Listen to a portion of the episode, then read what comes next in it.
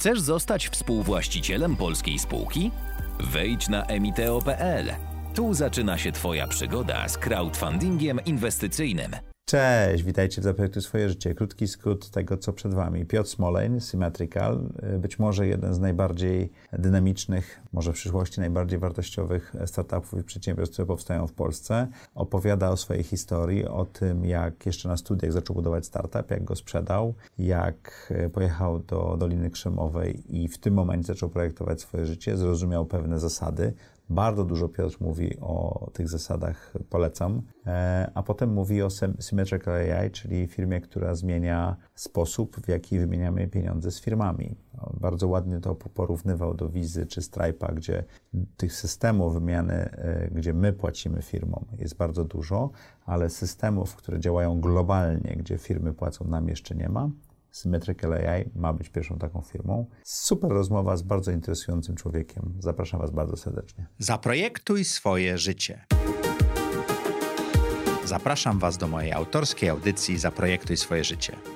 Przedstawiam osoby, które podjęły nietuzinkowe wyzwania życiowe i biznesowe. Rozmawiamy o tym, co nas napędza i dokąd zmierzamy. Historie opowiadane przez moich gości zainspirują Was do świadomego i odważnego projektowania swojego życia.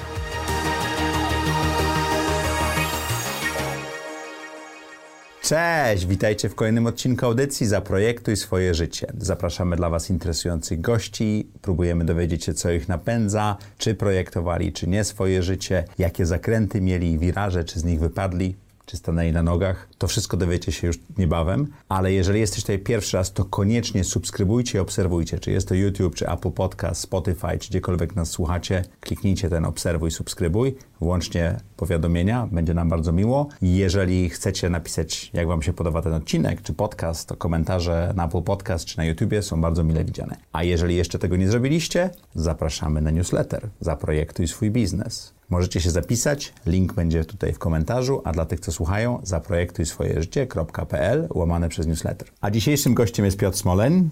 Cześć. Jeden z najbardziej gorących startupów chyba w tej chwili na rynku, Symmetrical. Być może tak. 6 milionów dolarów w rundzie seedowej, czyli takiej pierwszej, no to jest już tak, tak, tak światowo. No, światowo jesteśmy w średniej. No okej. Okay. Ale jak na polskie startupy, to już światowo. To mało, mało startupów tak szybko zbiera takie duże sumy, prawda? Mm, definiujemy się jako światowy startup, a nie polski startup. O! A skąd taki pomysł na taką definicję? Wydaje się, że mówienie o startupie, że jest jakby stricte polski, mhm. sugeruje, że gdzieś myślimy o tym, że walczymy o rynek polski e, lokalny. A tak nie robicie? A my myślimy o sobie jako o biznesie, gdzie chcemy konkurować jak równe z równym z każdym na świecie. Czyli okay. czy jest w Dolinie, Dolinie Krzemowej, w Londynie, w Berlinie, czy, czy my jak, jak w Warszawie.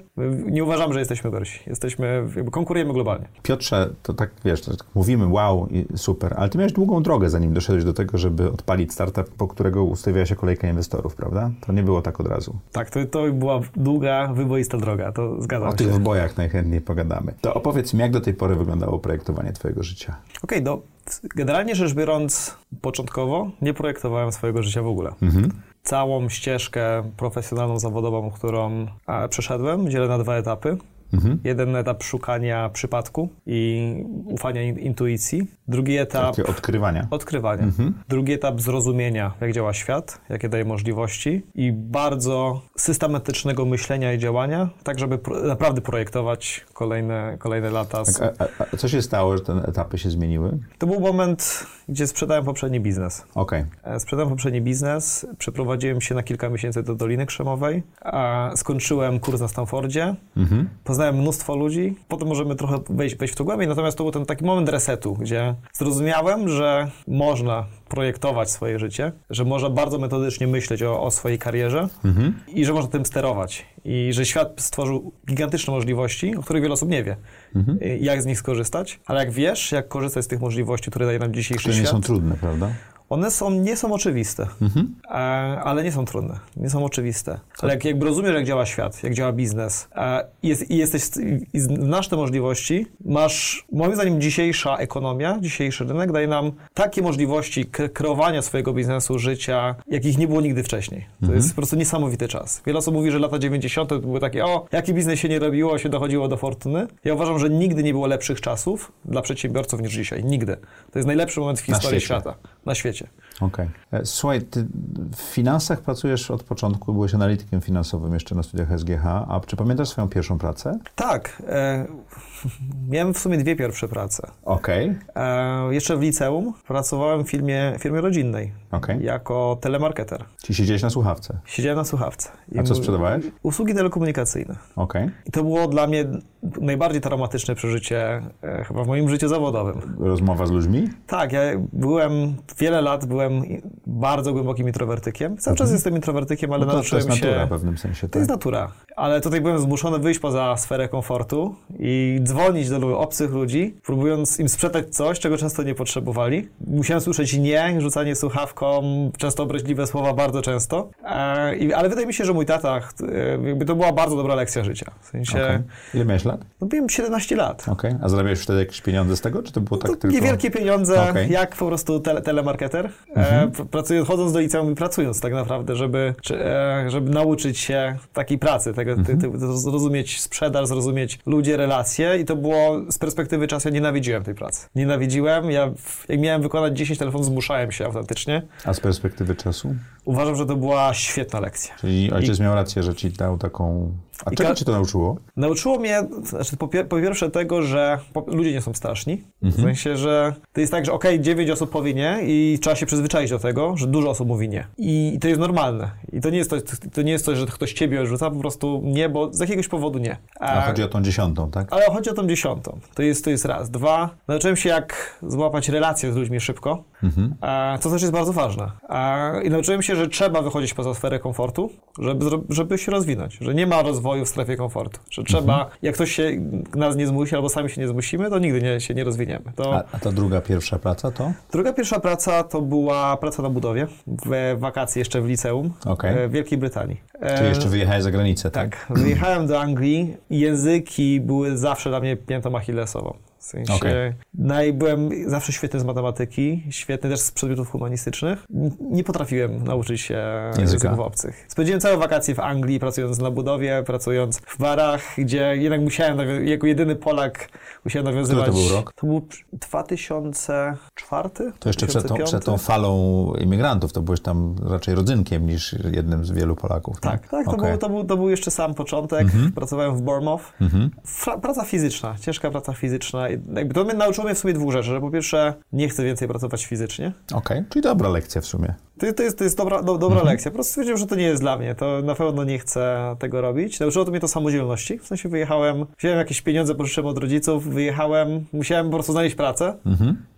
utrzymać, się, utrzymać się i przywieźć oszczędności jakieś z powrotem. Udało się? Udało się. To nie były tam jakieś wielkie pieniądze, ale, ale, ale udało się. Najwięcej zarobiłem na e, sprzedaży papierosów. Okay.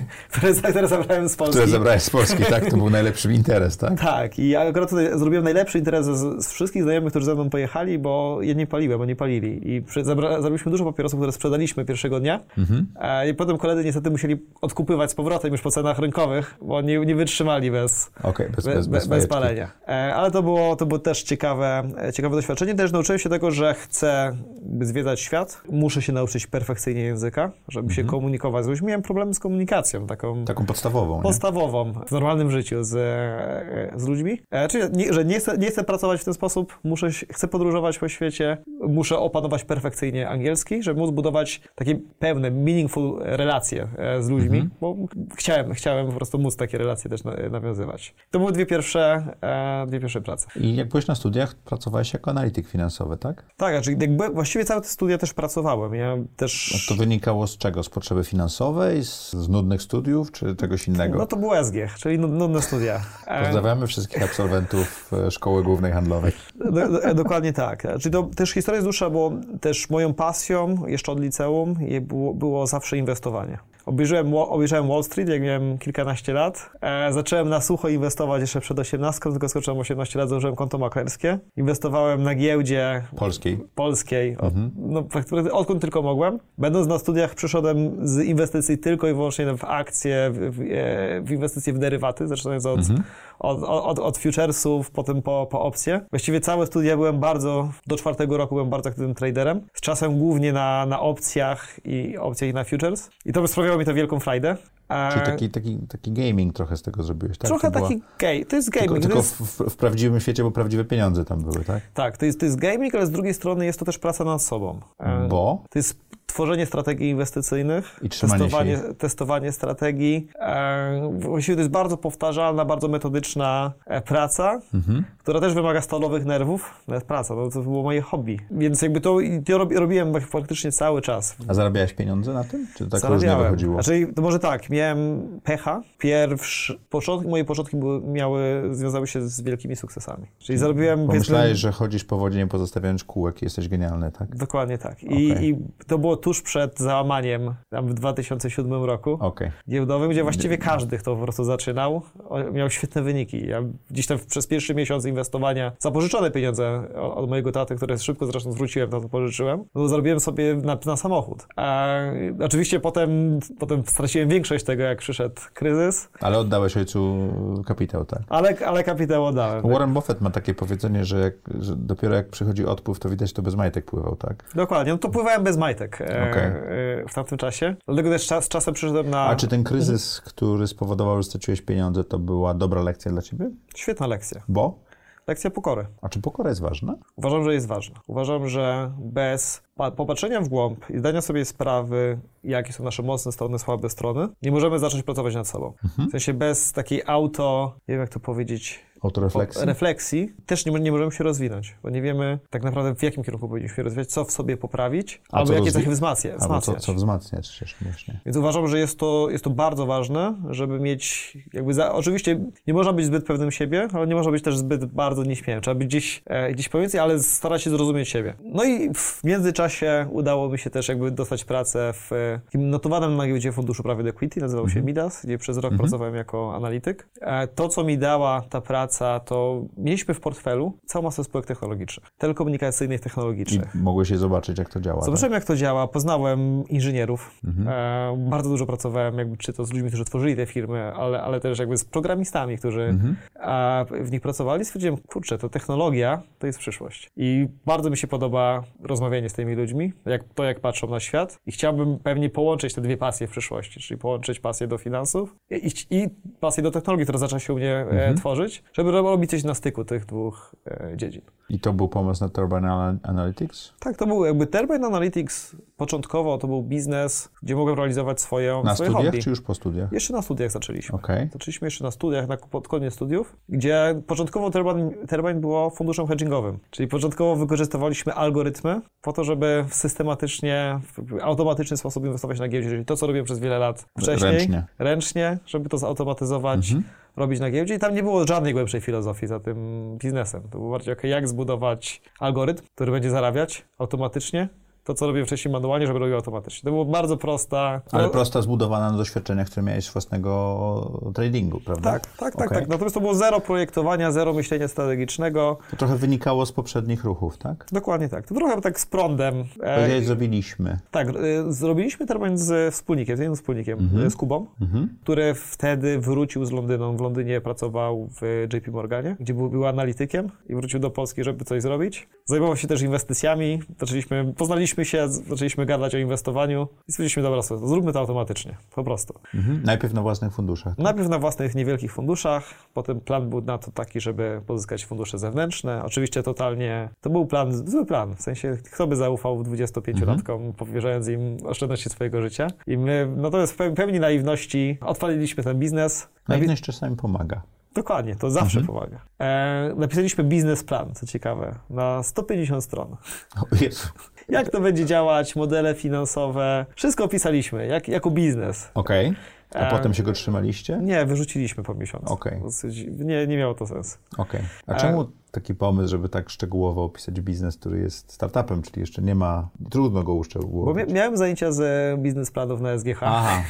i myślałem, że ma to jakiekolwiek znaczenie.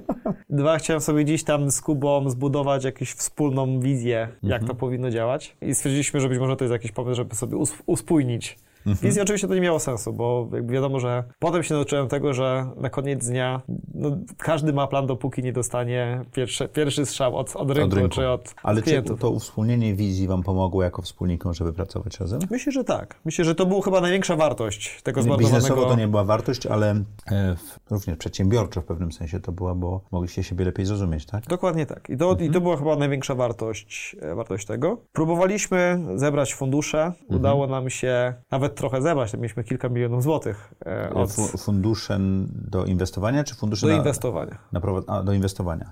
Jeżeli chodzi o fundusze na prowadzenie tego przedsięwzięcia, to tutaj po raz kolejny pożyczyłem Pieniądze. pieniądze od mojego taty, Okej. który był bardzo cierpliwy. Ale dałeś mu udziały? E, Tak, oczywiście. Okej. Oczywiście. On po prostu był inwestorem e, Okej. w, tym, w tym przedsięwzięciu. E, I myślę że, tatę. myślę, że nie wierzył w to. Wierzył we- mnie, a nie w to przedsięwzięcie.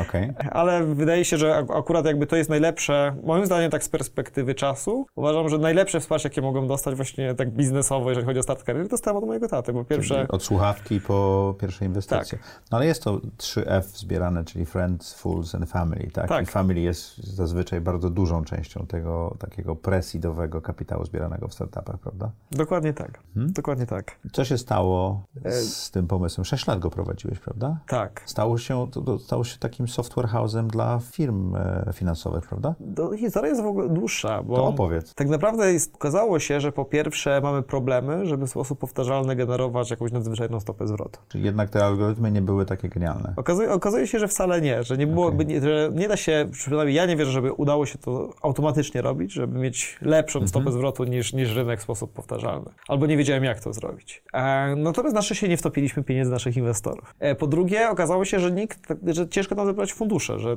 nasz, jakby nikt nie, chce, nie chciał zaufać 25-26-latkom, żeby powierzyć im istotne, Pieniądze. istotne oszczędności, bez żadnego track recordu, bez Mhm. historii w jakichś hedge fundach międzynarodowych i tak dalej. Więc jakby to był biznes, na którym nic nie, zupełnie nie zarabialiśmy, traciliśmy Ale pieniądze. rozumiem, że inwestorzy nie stracili pieniędzy z wami. Inwestorzy nie stracili pieniędzy. To jest... Ale też nie zarobili chyba, tak? Ale nie zarobili. Tak to, e, tak to było. Natomiast my ten fundusz postawiliśmy z jednym partnerem biznesowym, z jednym z TFI, które było na polskim rynku. I to, co się wydarzyło, zmieniły się regulacje w Polsce i które wymuszały na asset managerach bardziej automatyczne, bardziej głębokie zarządzanie ryzykiem e, aktywów, które, które posiadały. Ten nasz partner, który powiedział tak, słuchajcie panowie, my Fajny ten fundusz, ale chyba z tego nie, nie będzie biznesu ani dla nas, ani dla was. Ale mamy nowe regulacje, które teraz wchodzą na rynek. Wy, widzimy, że wy zbudowaliście bardzo fajny dashboard do zarządzania ryzykiem. E, może moglibyście tam sam ten dashboard sprzedać, żebyśmy my mogli tym ryzykiem zarządzać podobnie, jak wy sobie zarządzacie, ale Czyli z funduszu hedgingowego wyszła wam firma sesowa, tak? tak. Nawet nie wiedzieliście, że to jest firma, że to jest software service, tak? Ja nawet nie wiedziałem, co to jest SaaS, prawda A, nie wiedziałeś? Okej. Tylko problem był taki, że w sumie skończyła, skończyły nam się pieniądze e, w pewnym Okej. momencie. Czyli mieliśmy jakieś trzy, mi- trzy miesiące z- e, życia, e, pieniędzy na Mhm. Firmie. pensję firmie. I musieliśmy się zastanowić, co robić dalej. Czy ciągniemy ten fundusz, czy zamykamy i szukamy pracy. I w tym momencie właśnie zdarzyła się ta zmiana regulacyjna i to za, przyszło to zapytanie od tego naszego partnera. Czyli taki przypadek, który bardzo był pomocny. Dokładnie tak. Okej. I to, co zrobiliśmy, oczywiście ten nasz dashboard nie był jakiś piękny, to zrobiliśmy wersję 2.0, zaprojektowaliśmy na makietach i stwierdziliśmy, dobra, jak mamy im to sprzedać, to jeszcze zobaczmy, czy ktoś inny by chciał to kupić. I zaczęliśmy się, staraliśmy się kontaktować z innymi TFI czy, czy funduszami inwestycyjnymi i okazuje się, że w miesiąc sprzedaliśmy kilka razy nasze rozwiązanie, które jeszcze nie istniało tak w pełni, na, pokazując makiety, opowiadając, jak to będzie działać. A, więc stwierdziliśmy, ok, może to jest coś większego. Więc zaczęliśmy e, pracować nad tym rozwiązaniem. Najpierw frontend, potem bardzo szybko ten, dociągaliśmy backend. Bo frontend był ważny dla kupujących, Tak, prawda? kupujący patrzą oczami. Mhm. E, I tak jak, i kupujący, który widział, że jest coś na frontendzie, chociaż to była makieta, tylko tak robiliśmy, że jak klikaliśmy, wiedzieliśmy gdzie klikać po kolei, jak się slajdy makiety e, przekładały, że to już jest. I się okazuje, że cała masa funduszy zaczęła to kupować, po prostu musiała, nie było innego rozwiązania. Dostarzy, dostawcy jak Komarch i tak dalej nie zdążyli dostosować do zmieniających się regulacji. Więc nagle się zni- znikąd pojawił się jakiś niszowy market, e, rynek, przepraszam, niszowy rynek, który, który był właściwie cały dostępny. My jakby z, przez kolejne kilka lat zdobyliśmy 60-70... Sprzedaż też była relatywnie łatwa, bo to al- albo się zgłosiliście z rozwiązaniem, albo ktoś polecił was w ogóle, tak? Tak, tak, a poza tym tak naprawdę rozwiązywaliśmy bardzo konkretnie zdefiniowany problem regulacyjny. E, oczywiście z czasem rozwinęliśmy nasze rozwiązanie, żeby faktycznie automatyzować pracę nasze, dla, dla, naszych klientów, ale to Mhm. początek to był taki To jak sobie poradzić z, tym, z tymi trzema miesiącami cashflowu, które zostały, gotówki i, i jak to zrobiliście? Klienci wam przedpłacili, czy poszuka, po, w ten sposób? Czyli nie szukaliście inwestorów, tylko poszukaliście pieniędzy tam, gdzie najle, najlepiej je znajdować u klientów, tak? Znaczy tak, po, pierwsze jest tak, oczywiście troszeczkę pieniędzy wzięliśmy od naszych pierwszych. Mhm. I nasi pierwsi inwestorzy to właśnie tacy aniołowie biznesu, czyli rodzina, mój tata, rodzina Kuby, którzy Mhm. e, i kilku aniołów biznesu, których również e, pozdrawiam, którzy nie wiem jakim cudem zaufali nam i wrzucili e, pieniądze do, do tej firmy na, na samym początku, czyli nie- niewielka runda od inwestorów, ale to nie była, nie myślałem w ogóle, tym, nie Pamiętasz wiedziałem, że istnieje tej rundy mniej więcej? niskie kilkaset tysięcy. Okej. I też wtedy w ogóle nie wiedziałem, że jest VC, nie wiedziałem, że... Naprawdę nie, nie wiedziałem że nawet, że jesteśmy startupem. To po prostu to był projekt, który... A taka, to, to, przepraszam, nie wiedziałeś, że ale to tak trochę tak typowa historia, że robisz coś, a potem pivotujesz, bo jest rynek i, i masz pewną technologię, którą możesz do niego dostosować, tak? Dokładnie tak. Okej. Więc, ale klienci też przedpłacali nam za, za wdrożenia, więc udało nam się przetrwać, rozwinąć zespół. Przez najbliższych kolejnych kilka lat wygraliśmy ten rynek. W sensie to byliśmy tam prawie 70% market share w branży funduszy inwestycyjnych. To byliśmy jako klient 70%. Wow. w Polsce. Zdobyliśmy pierwszych klientów zagranicznych, czy to w Luksemburgu, czy, czy to w Austrii, czy na Czechach, Słowacji. Zdobyliśmy też klientów bankowych i ubezpieczeniowych. Bo wszędzie, gdzie ryzyko było ważne. Tak? Rozwinęliśmy nasze rozwiązanie, żeby nie było stricte compliance'em, ale żeby realnie pomagało lepiej rozumieć ryzyko, wizualizować ryzyko w organizacji. Weszliśmy też w ten segment enterprise'owy. Pracowaliśmy z, no, z największymi bankami w Polsce, z największymi ubezpieczycielami w Polsce. Więc zrobił się niszowy, ale solidny biznes, biznes z większością biznesu w Polsce, ale też z międzynarodowym footprintem. No i z 2017-18 rok zaczęliśmy myśleć o sprzedaży i, i, i, i sprzedaliśmy to. Kto kupił to rozwiązanie? E, Rozwiązanie to jest ciekawe, bo sprzedaliśmy ten, ten biznes do funduszu private equity, który zaczął stosować strategię buy and build. Kupili wehikuł taki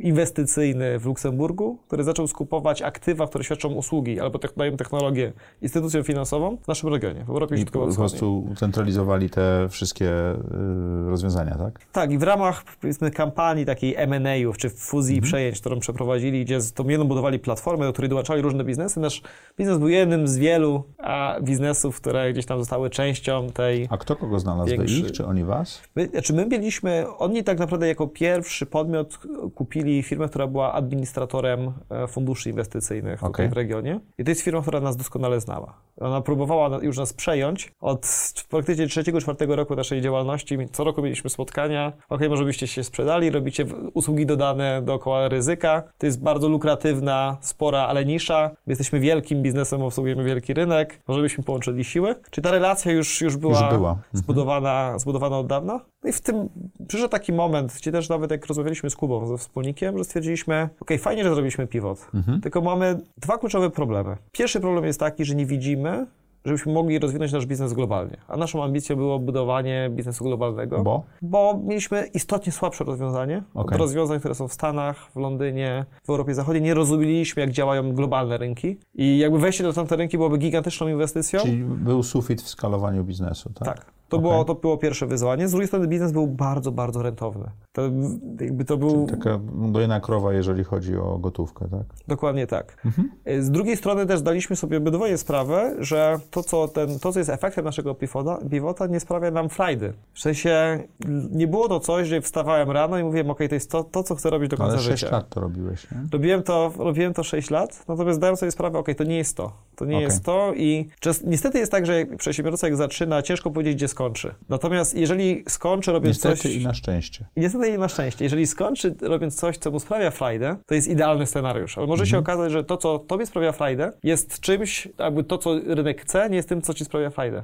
I wtedy masz problem, bo albo musisz znaleźć przyjemność czy szczęście robiąc coś, co robisz dzisiaj innego, albo coś musisz z tym zrobić. Albo zaczynać od nowa, tak? Albo zacząć od nowa. Więc obydwoje stwierdziliśmy, ok, to nie jest jakby dla nas. My, przypadkiem znaleźliśmy się jako, staliśmy się SAS-em dla instytucji finansowych. Żaden z nas nie chciał być SAS-em, y, budować SAS-a dla instytucji finansowych. Jeszcze tutaj w regionie bez jakiegoś globalnego footprintu. Stwierdziliśmy, dobra, jest dobry moment, jest kupujący, E, jest bardzo dobry moment dla firmy, co pod kątem jakby rentowności. Rzadko kiedy się zdarza, że jest moment płynnościowy. W sensie to jakby Mhm. transakcje, fuzji, przejęć czy exit, to nie są proste rzeczy. To Ja musi... niedawno napisałem dla newslettera Zaprojektuj swój biznes, właśnie taki tekst o exicie, że jak ktoś jest i chce ci dać pieniądze, to jest najlepszy czas, żeby sprzedać, tak? Tak. Oczywiście kwestia wyceny i tego wszystkiego, co mówisz, bycia gotowym, ale płynność w startupach nie jest tak jak na rynkach, że po prostu idziesz i sprzedajesz. Oczywiście, oczywiście. Więc stwierdziliśmy, ok, robimy to. Okej? E, Kuba został w firmie troszeczkę dłużej ode mnie. Mhm. E, tam powiedzmy 6-12 miesięcy dłużej. Ja, ja szybciej się wycofałem, zacząłem robić nową rzecz. Natomiast Tak teraz... mieliście earnout ułożony, czy tak wyszło? Tak mieliśmy earnout. Tak wyszło, Okej. ale też mieliśmy tak ułożony earnout. E, natomiast teraz Kuba prowadzi też biznes, który odnosi og- og- ogromne globalne sukcesy.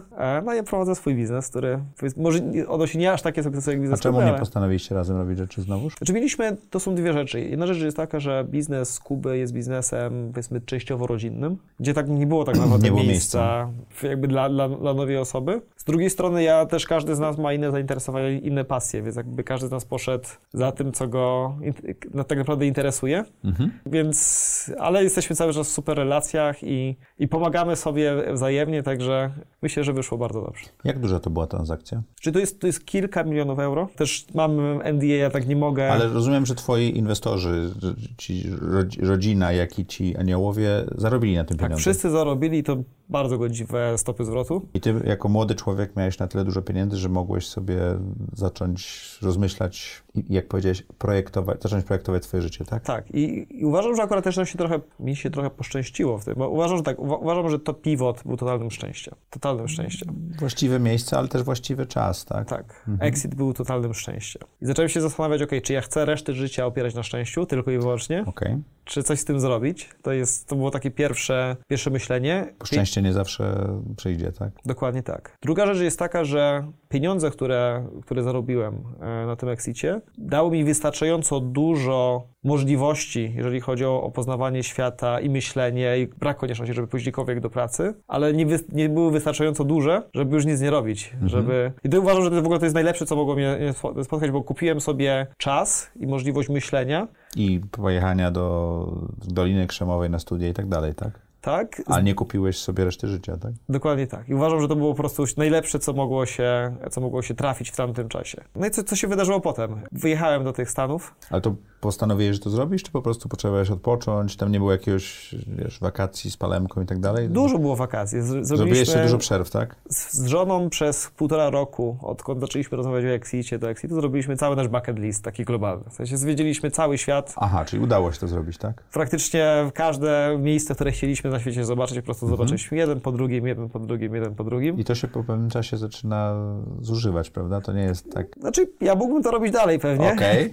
ale też już czułem, że trzeba zacząć coś robić. To jest raz, dwa, jakby stwierdziłem właśnie, że chcę zobaczyć, jak w ogóle, jak działa świat. Chciałem, chciałem przeprowadziłem się do Doliny, wykupiłem sobie na Stanfordzie w kampusie po prostu pokój. Jeszcze zanim się zaczął mój kurs, wykupiłem kurs, wykupiłem sobie pokój jeszcze na kilka tygodni, zanim się zacznie kurs, po to tylko, żeby po prostu zobaczyć, jak to jest. I pojechałem tam, znałem tam może z 10 osób max prze, przez jakieś wspólne kontakty. Zacząłem się z nimi spotykać, poprosiłem o kolejne intra, zacząłem chodzić na eventy, na meetupy, to było jeszcze przed pandemią, więc po prostu mogłem żyć tym, jak działa Dolina, czy to w San Francisco, czy, I czy, czy w Palo swoje Alto. kręgi, tak? Znajomych. Te, też, po, też poniekąd. Mhm. Potem przyszły studia e, na Stanfordzie kilkutygodniowe. A co studiowałeś? To jest Executive Program for Growing Companies. Czyli to jest Mhm. taki postgrad, kurs dla osób, które mają bardzo mało czasu. Najczęściej były dwie grupy tak naprawdę osób w tym, na, na tym kursie, czyli z jednej strony osoby, które zarządzały biznesami typu Airbnb Mhm. e, albo Uber w różnych regionach, czy w ogóle, e, w ogóle centralnie, które po prostu nie miały czasu na pełnego MBA, ale chciały jakoś zainwestować w swój własny rozwój,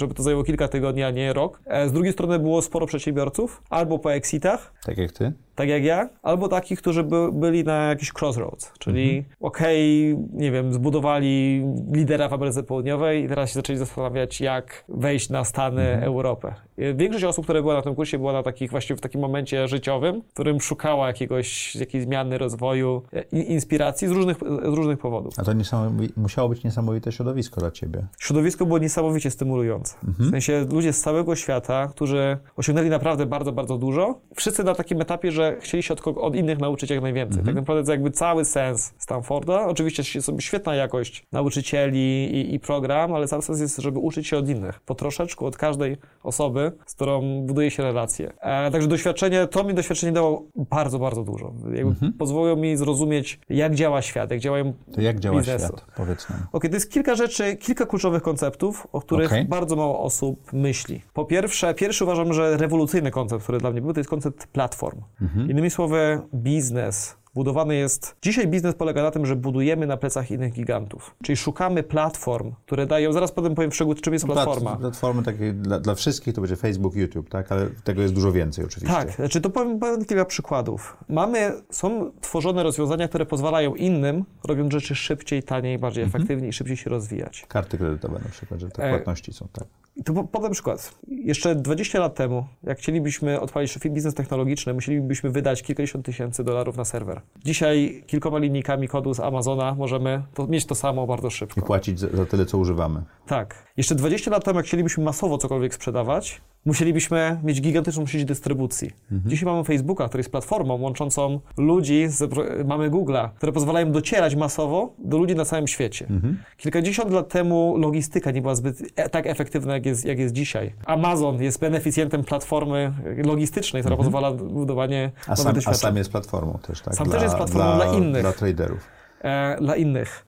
Fundusze venture capital są platformami. To są platformy, które pozwalają na szukanie dobrych modeli biznesowych, Okej. jeżeli się znajdzie na skalowanie ich szybciej, niż byłoby to kiedykolwiek możliwe. Czyli tak naprawdę mamy nowe rozwiązania platformowe, które pozwalają nam taniej robić różne rzeczy, które pozwalają nam szybciej docierać do nowych klientów w bardziej masowy sposób. E, mamy rozwiązania, które daje, pozwalają nam finansować budowanie biznesu bardzo szybko, czyli każdy z tych elementów, każda z tych platform daje nam pewien, pewną dźwignię, pewien lewar. E, jeżeli jesteśmy w stanie połączyć efekty tych platform w jednym, czyli po, połączyć platformę, jaką są fundusze venture capital, z platformą dystrybucyjną, jaką jest możliwość robienia mar- marketingu w internecie, i z kilkoma innymi platformami, jak wiemy, i w jakiej konfiguracji te platformy y, połączyć, albo jakie platformy jeszcze są niewystarczająco dobrze wykorzystywane przez konkurentów, bo są nowe, i my widzimy ich potencjał i nie, nie potrafią, jesteśmy w stanie stanąć na tych plecach gigantów, rozwinąć się szybciej. To samo jest w op- oprogramowaniu, czyli wszelkiego rodzaju nowe rozwiązania, nowe języki programistyczne budują pewną warstwę abstrakcji na bardzo podstawowych elementach, które, które były wcze- wcześniej, czyli dzisiaj korzystając z Rabiego, czy z Rabiego jesteśmy w stanie robić pewne rzeczy dużo szybciej niż wcześniej pisząc każdą jedną komendę w C.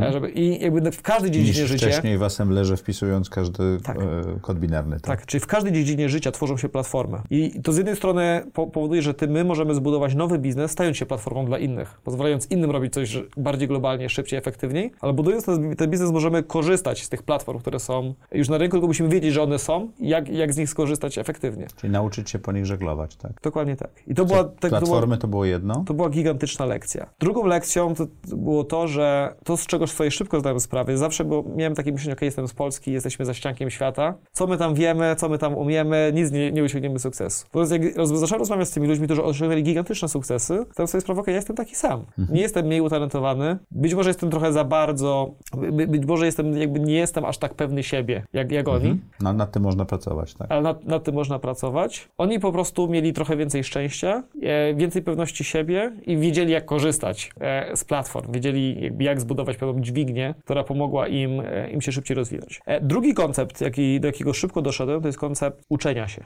rozwo- samo, samorozwoju. Czyli to, z czego sobie szybko zdaję sprawę, jest to, że nie można rozwinąć biznesu, jeżeli nie rozwiniemy siebie, albo nie rozwiniemy ludzi, którzy są w naszej organizacji. Budowanie biznesu to jest tak naprawdę praca, ciągła praca nad sobą. To jest uczenie się nowych rzeczy i to też paradoksalnie nie wiedziałem, jak się uczyć w przyszłości. W sensie, bo myśląc o nauce, myślimy, ok, edukacja, studia i tak dalej. To nie jest nauka. Prawdziwa nauka jest, polega na tym, że musimy nauczyć się docierać do osób, o których możemy się czegoś nauczyć, nawet małej rzeczy. Musimy wiedzieć, jakie pytania zadać i jak ustrukturyzować tą relację, że ta druga osoba też widzi w tym wartość, żeby chciała... Bo nie możemy tylko brać, prawda? Nie możemy Bo nikt tylko nie brać. będzie chciał nam dawać w pewnym Musimy, momencie. musimy wymieniać się, czyli my uczymy daną osobę czegoś, ta osoba ucz, e, uczy nas czegoś. I to jest, i, jakby niektórzy to nazywają networkingiem. Pra- Prawdziwy networking to nie jest ok, poznam się, uścisnę rękę, rękę i tyle. To jest, to jest nauka. To jest, to jest ludzie, osoby, które osiągają gigantyczne sukcesy, są super networkerami. Oni, oni uczą się naprawdę bardzo dużo od bardzo wielu, wie, wielu ludzi, wiedzą od kogo, z kim warto się skontaktować, e, jakie zadać pytania, ale też dają wartość, wartość w zamian. Dają wartość, te osoby potem e, podnoszą telefony, czy też odpisują na e-maile, jak piszą, prawda? To jest super ważne. Ja mam takie powiedzenie, że network to są dwa słowa, tak? Net i ta sieć kontaktów i work, czyli ta praca, ty, ty to nazywasz uczeniem się, ale to, to jest moim zdaniem bardzo podobne, tak? Tak. I jakby od tego czasu zacząłem jakby bardzo myśleć o tym, w jaki sposób przyspieszyć krzywą uczenia. Od kogo, nie wiem, jeżeli... Czyli platformy, jestem OK, tak bym to nazwał, tak, to, że jestem z Polski, czy cokolwiek, to nie ma znaczenia. I uczenie się i łamane przez bardzo szeroka sieć kontaktów, tak? tak? Albo nauczenie się, jak się uczyć. I teraz mam takie podejście, ok, cokolwiek robię, to chcę się dowiedzieć od najlepszych, jak to robić najlepiej. Nie wiem, odpalamy teraz w naszym biznesie coś, co nazywamy API. Ja pierwsze, co zacząłem robić, to zacząłem po prostu pisać do założycieli innych firm, które już odnieśli sukcesy. Ok, czy moglibyśmy się na 20 minut zwolnić na, na Zoomie? Zadam Ci dwa, trzy pytania, po prostu odpalam biznes API, chcę się dowiedzieć, co, co, co czyni świetne API świetnymi API. Mhm. I, po, I staram się podobne paterny wykorzystywać jakby w każdej dziedzinie rozwoju mojego biznesu, ale też uczyć moich ludzi, żeby się uczyli. Czy podnosili telefony, czy też pisali, e, czy Zoomy i rozmawiali z ludźmi w swojej branży, tak? Znaczy w swojej specjalizacji w branży, tak? tak. I, I, wydaje mi się, że wtedy na koniec dnia sukces biznesu jest tak naprawdę pochodną szybkości rozwijania się jego założycieli, mhm. ale też to, w jaki sposób zbudowali ten learning w swojej organizacji, żeby ta organizacja potrafiła się uczyć. I może to zrobić albo poprzez rekrutowanie coraz to mocniejszych osób, które już mają tą wiedzę i wkładają do organizacji, albo pracę już z ludźmi, których mamy, pokazując im, jak mają się uczyć. I oni wtedy stają się coraz mocniejsi, tak? Dokładnie tak. Siła firmy jest pochodną siły zespołu, który, który za, za, za, nim, za, nim, za nią stoi. Co zrobiłeś po tych studiach? Zrobiłem w sumie jeden poważny błąd. Okej. Okay odpaliłem, e, bo stwierdziłem tak, ok, nie wiem, co chcę robić. Chciałem, pomyślałem po tych studiach, chcę zrobić jakiś biznes kolejny, globalny, e, bardzo ambitny, natomiast jeszcze nie wiedziałem co. Więc stwierdziłem, ok, to być może dobrym sposobem, żeby sobie znaleźć to, co chcę robić i zacząć mhm. inwestować w inny biznes. Bo poznam bardzo wielu przedsiębiorców, zrozumiem, jak, jak pracuję, poznam bardzo wiele branż i być może znajdę coś, co mnie zainteresuje i co będę chciał robić. I zacząłem z jednej strony inwestować jako business angel, właściwie na całym świecie w Stanach, w, w, Europie, w Polsce, ale tylko w projekty, które mnie interesowały, e, czyli w obszarze finansów, a fintechu, blockchain, blockchaina, którym się też wtedy bardzo, mhm. bardzo zainteresowałem. E, z drugiej strony popełniłem błąd, bo odpaliłem coś, co się nazywało Data Ventures, taki butikowy fundusz VC, mhm. żeby bardziej w bardziej ustrukturyzowany sposób jakby szukać tych projektów e, i w nie inwestować. Natomiast niestety zrobiłem to z NCBIR-em, czyli z mhm. instytucją publiczną, co gdzieś z perspektywy czasu okazało się błędem. Bo e, bardzo ograniczało? Tak, to jest jakby, w, uważam, że też nie chciałbym jakoś bardzo wchodzić mhm. e, w tą sprawę. Uważam, że jest zupełnie inny system zachęt dla urzędników, e, a inny dla przedsiębiorców, inwestorów. Pieniądze publiczne mają swoją cenę. Tak. Zupełnie inną niż pieniądze prywatne, prawda? Tak. I jest to, uważam, że cena jest gigantyczna. To co się stało z Data Ventures? Data Ventures na dzisiaj jest projektem zawieszonym e, okay. w próżni. E, innymi słowy, z, z około 50% zostało zainwestowanych środków. Podjąłem decyzję, ok, nie, nie chcę tego kontynuować, bo też uważam, że to, co robimy, jest niekorzystne dla przedsiębiorców, którzy są zmuszani spełniać jakieś, powiedzmy, biurokratyczne procedury, zamiast się skupiać na, rozwoju biznesu. Na, na biznesie. Także w tej chwili. Ale te pieniądze zostały zainwestowane, tak? Tak. Mhm. Około połowa środków jest zainwestowanych, druga połowa jest zawieszona i zobaczymy, jak się skończy ten proces zawieszenia, bo z mojej perspektywy najchętniej bym to zlikwidował, no ale oczywiście mamy też jakby przepisy, e, umowy. I, umowy i tak dalej. W 2018 roku na medium z Danielem Warłowskim napisaliście pewien e, tekst mówiący o rewolucjonizowaniu rynku finansowego, o tym, jak bardzo to się zmienia i jak bardzo można tak naprawdę to wszystko zrobić. Tak. Czy to, co robisz teraz, jest e, pokłosiem tego tekstu? Czy to, ten tekst był w pewnym sensie takim wypuszczeniem tej wiedzy i tej energii, która wtedy w, ciebie, w tobie wrzała? Hmm. Ten artykuł, znaczy wydawało nam się, że to będzie nasz kolejny biznes. Czyli okay. to, co gdzieś sugerowaliśmy tym artykułem na medium, ogólnie ten artykuł obiegł cały świat bardzo szybko. Mhm. W sensie wypuściliśmy ten blog post, był szeroko szarowany, tam średnio 50 do 100 osób w każdej minucie go czytało i właściwie zostaliśmy zasypani ofertami funduszy venture capital z Doliny, z Londynu, że chcą w coś takiego zainwestować, co opisaliśmy, co jest możliwe w tym poście. Natomiast w praktyce zupełnie tego dzisiaj nie robimy. To jest pewnie moja taka też wada, cecha, że nie mam mentalności rozwiązywania problemów innych ludzi, kiedy zaczynam biznes. Kiedy zaczynam biznes, ja chcę, mam pewną wizję, pewien pomysł. Do którego chcesz dojść. A bardzo tak? abstrakcyjny, do którego mhm. chcę dojść. I zawsze problemem jest to, że nikt tego pomysłu nie kupuje. I, i potem i, i wyzwaniem jest, jak przejść od tego pomysłu abstrakcji, pewnej, pewnej rzeczy, którą chcę zbudować, do czegoś, co możemy sprzedać, co rozwiązuje realne problemy klientów. E, I z reguły to zajmuje trochę czasu, żeby, żeby, żeby to znaleźć. Czyli to, co opisaliśmy na, na Medium, opisaliśmy to, że rynek finansowy jest asymetryczny. Innymi słowy, jest gigantyczna bariera, różnica, jeżeli chodzi o dostęp do informacji i wiedzę między instytucjami finansowymi a ludźmi. Mhm. Instytucje finansowe strukturalnie wykorzystują tę wiedzę do generowania, generowania marż i wzmacniania swojej pozycji. Ale dzięki internetowi i całej digitalizacji to się zmienia. I teraz nasza teza była taka, że rynek po rynku widzimy coś, co nazywamy programatyzacją. Mhm. Innymi słowy, jest, jest pewien zestaw patternów w ekonomii, które mhm. powtarzają się od branży do branży, gdzie stare relacje są automatyzowane i, i algorytmizowane. To może, może przykład. Mhm. To prasa i telewizja są takim przykładem. Oczywiście, tak? oczywiście. No, w kwestia mediów. W przeszłości, mhm. jak mieliśmy kampanię reklamową, my gdzieś szliśmy do jakiejś agencji i potem i szliśmy do mediów. To było nieefektywne. Przyszedł Google, który programatycznie łączy uwagę z kontentem w bardziej efektywny sposób. Uber programatycznie łączy podaż kierowców z popytem, z popytem na, na przejazdy. I to, to, to też jest czwarta lekcja, e, o której nie powiedziałem, jeszcze wyniesiona ze Stanfordu, że pewne trendy, one, one są bardzo silne i one przechodzą od branży do branży w zależności od barier też, które, które są w danych, danych, w danych branżach. I w pewnym sensie, jak rozumiemy trendy, które widzimy na świecie, a jesteśmy w stanie przewidzieć w poszczególnych branżach, w jakiejś perspektywie czasu coś się może wydarzyć, lub możemy to wykreować. Bo to, to, I to jest też piąty koncept, może to już ostatni, mhm. taki, który gdzieś... Konceptem jest idea. W sensie to, jak działamy jako ludzkość, powoduje, że pewne rzeczy, jeżeli wierzymy, że, że istnieją, one zaczynają istnieć. A Harari o tym pisał. Harari tak? o tym pisał, to jest świetna, świetna książka. Tak. Natomiast to dotyczy nie tylko geopolityki, w sensie państwo mhm. jest tworem ideą. sztucznym, ideą, ale to też do, dotyczy biznesu. Dzisiejsza ekonomia tworzy możliwości zbudowania jakiejś nowej koncepcji. Jeżeli my tą koncepcję sprzedamy, przekonamy ludzi, że to ma to sens, ona zacznie istnieć. To tak? ona zacznie istnieć. I to jest, to jest możliwość robienia czegoś z niczego. I to jest, to jest w ogóle coś, co najbardziej fascynuje mnie w byciu przedsiębiorcą, że można tworzyć coś z niczego. Natomiast, natomiast wracając do tych patternów, czyli widzimy tą program, algorytmizację, programa, pro, programatyzację, to oczywiście wpływa na marżę. To jakby dysruptuje stare łańcuchy wartości i powoduje, że ta marża przenosi się do tych marketplace'ów, operatorów programatycznych stron.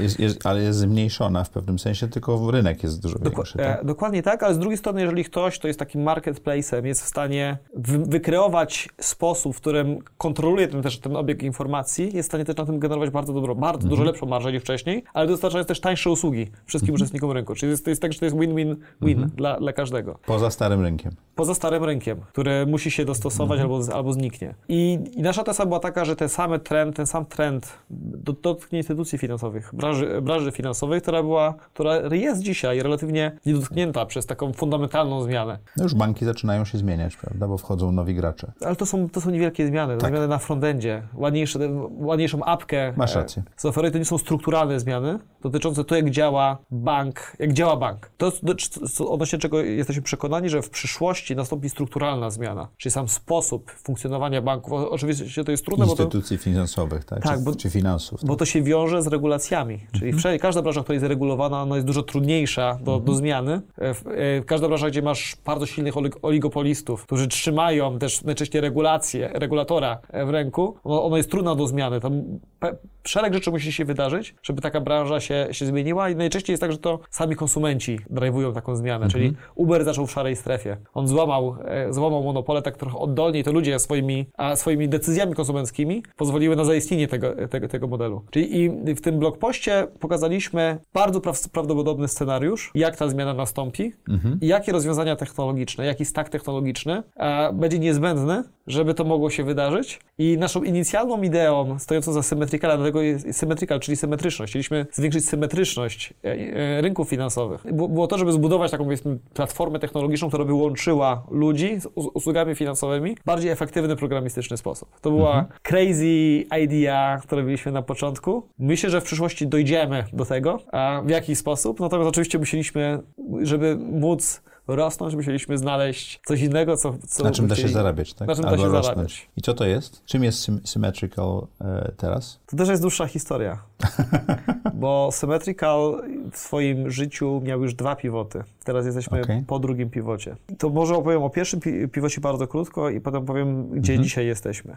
Bardzo szybko tworząc tą technologię, chcieliśmy zbudować technologię taką, która łączyłaby automatycznie, tak jak Google, programatycznie ludzi, ich dane z instytucjami finansowymi. Barierą, z jaką się spotkaliśmy, była taka, że instytucje finansowe infra infrastrukturalnie nie były gotowe na korzystanie z tego typu platformy, ale też nie chciały tego robić, e, ponieważ każda agregacja prowadzi do kompresji marsz. Na każdym rynku. I żaden rozsądny gracz nie zgodzi się na bycie częścią No, bycie zagregowanym, tak? bycie zagregowanym. I oczywiście Google wymyślił genialny sposób, jak to zrobić z pominięciem starego rynku. On Zbudował sobie nowy rynek, opierając się na drobnych właścicielach stron internetowych, opierając się na swojej własnej stronie i engine, który dawał po prostu bardzo dobre wyniki wyszukiwań. E, więc każdy, każdy, jeżeli chcemy zdysruptować jakikolwiek rynek, musimy znaleźć sposób, jak to zrobić. I naszą taką drugą iteracją, gdzie stwierdziliśmy, że instytucje nie chcą z nami współpracować, albo nie mogą, albo nie chcą i nie mogą, bo to zaczęliśmy się zastanawiać, gdzie zbudować jakąś przewagę. Gdzie moglibyśmy w jakiś lepszy sposób mieć dostęp do użytkownika, mieć lepszy dostęp do użytkowniku, żeby móc mu pozwolić, żeby miał tańsze, bardziej dostępne produkty finansowe. Czyli zrobić to, co Google, tak pójść od strony konsumenta, tak? Konsumenta albo w, gdziekolwiek chcieliśmy znaleźć zaczepienie. I jedną z taką test, którą mieliśmy, to jest wykorzystanie pracodawcy. Czyli stwierdziliśmy, że pracodawca jest taką zaufaną wyrocznią na rynku. W sensie instytucje finansowe proszą Czyli nie instytucje finansowe, ale pracodawca, tak? Tak, że bo Okej. z jednej strony pracodawca zatrudnia pracowników, dba o ich dobrobyt, więc powinien być zmotywowany do tego, żeby ci pracownicy mieli tanie, dostępne, etyczne produkty finansowe. Z drugiej strony pracodawca ma krytyczny dostęp do danych na temat naszej pracy e, i też może być dystrybutorem.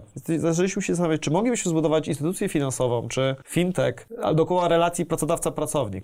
Czyli czy moglibyśmy zbudować partnerstwo z pracodawcą, żeby zaoferować pracownikom coś tańszego, lepszego, bardziej ty- e- e- etycznego. I, I poszliśmy w tym kierunku, zbudowaliśmy rozwiązanie, zbu- zbudowaliśmy aplikację mobilną, która w, pierwszej, w pierwszym kroku pozwalała pracownikom w czasie rzeczywistym śledzić wynagrodzenie i wypłacać sobie pensję w dowolnym momencie w czasie. Stwierdziliśmy, Czyli że ja mogłem 17 danego miesiąca wypła- wypłacić sobie tyle, co zarobiłem w tym miesiącu do, do, 17 do 17, tak? dokładnie tak i stwierdziliśmy, że to może być coś angażującego. Stwierdziliśmy, okej, być może... Czyli nawet- troszeczkę taki system pożyczkowy? Trochę poży... znaczy poży... może nie do końca, bo pożyczka czy kredyt jest po prostu, to jest pieniądz w czasie. Każdy w ogóle produkt finansowy jest pieniądzem w czasie, tylko w... idącym w różnych kierunkach. Ubezpieczenie jest też pieniądzem w czasie. My płacimy komuś drobne kwoty przez wiele lat, żeby potencjalnie dostać jakiś duży, e, spo... e, dużą część pieniędzy z powrotem. Kredyt jest taki, że my dostajemy dzisiaj dużą kwotę i ją stopniowo spłacamy, natomiast to jest, to jest bardziej koncepcja, jak pieniądz zachowuje się w czasie. I oczywiście e, nasza, na, nasza teza była taka, że po co brać kredyt, jak można po prostu wypłacić sobie swoje własne, już zarobione pieniądze